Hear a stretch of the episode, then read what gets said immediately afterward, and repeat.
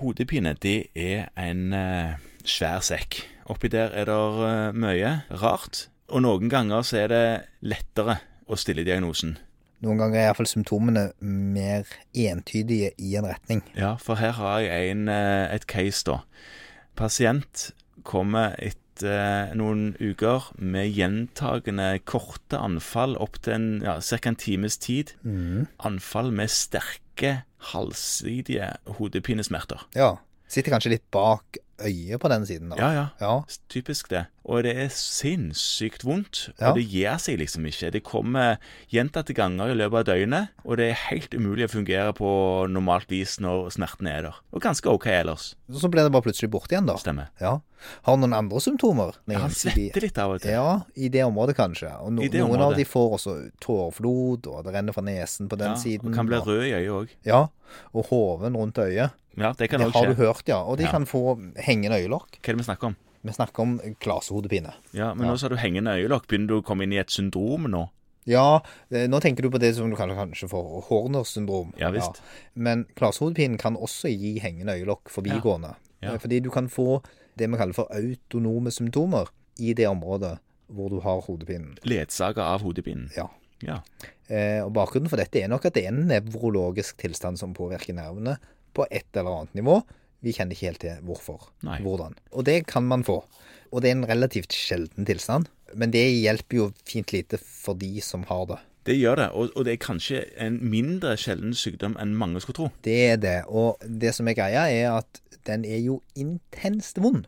Den er jo så vond at den kalles for selvmordshodepine. Så det er folk som har hoppet på bakgrunn av denne hodepinen. Ja, og Det sier jo litt om hvor dramatisk disse smertene Så må de er- oppleves. Ja, de er så intenst vonde. Og så er det klart at hvis du er en av de som er uheldig og har relativt langvarige og mange anfall i døgnet, så blir jo dette helt forferdelig. Helt forferdelig. Så diagnosen er egentlig ikke så fryktelig vanskelig. Du kan godt eh, få en støtte men, av en, eh, en nevrolog til å stille diagnosen, men det kan du godt ordne selv. Men hva gjør du med de da? Ja, det er jo det som er vanskelig. Det er jo egentlig symptomlindring, og så er det jo eventuelt prøve å forebygge nye anfall Ja. hvis de får dette igjen. Det er ofte sånn at de har én til to episoder i året. Da trenger det jo ikke være så plagsomt. Det kan være én måned i året. Det er plagsomt nok mens det pågår, det er ikke det jeg sier, men i forhold til å ha det tre måneder i slengen tre ganger i året, så begynner jo dette å bli veldig invalidiserende.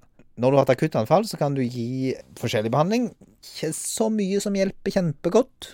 Du kan prøve med triptaner, du kan prøve med oksygen, eller du kan prøve med en kombinasjon av de. Altså Triptaner, sånn som du gir til Ja, migrenepasientene? og da må du ofte gi store doser. Mye større doser enn det du tør å gi ved migrene.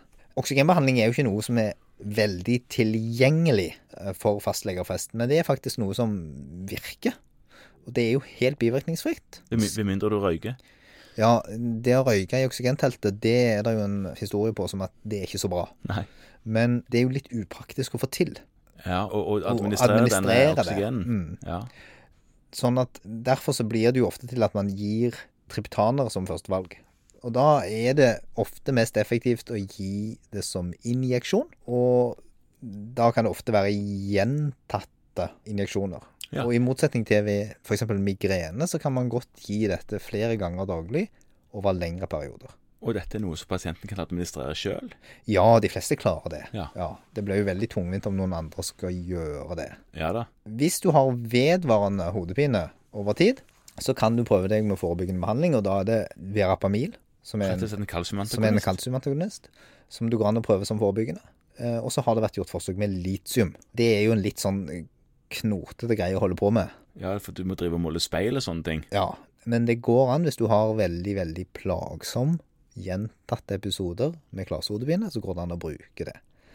Så gjøres det også forsøk med Botox for dette, men de er ikke konkludert ennå. Nei. Men her er vi jo inne på en diagnose og en sykdom som er såpass dramatisk i symptomatologien at man famler veldig etter behandling for å prøve å hjelpe mest mulig. Det gjør man. Ja. Men det som er viktig for oss, er jo at vi ikke nødvendigvis driver på og venter til en eller annen har tid til å se på dem. Men hvis du mener at dette er en klasehodepine fordi de har gjentatte anfall over kort tid med ensidige symptomer, Ja. så bør man prøve å administrere et eh, triptan, fortrinnsvis i injeksjonsform, for å se på om vi kan gi dem symptomlendring. Da har vi iallfall noe å prøve. Og så er det jo sånn at med alle disse hodepinene, så er det nok fornuftig å et eller annet sted langs veien prøve å få tatt en MR av hodet på pasienten, for å utelukke at det er noe annet oppi der. som gir Pasienten er plager. iallfall veldig opptatt veldig fort av å utelukke det, Ja, eh, forståelig nok. Forståelig nok, selv om hjernesvulster jo sjelden gir hodepine av denne typen som et første symptom. Det er sant.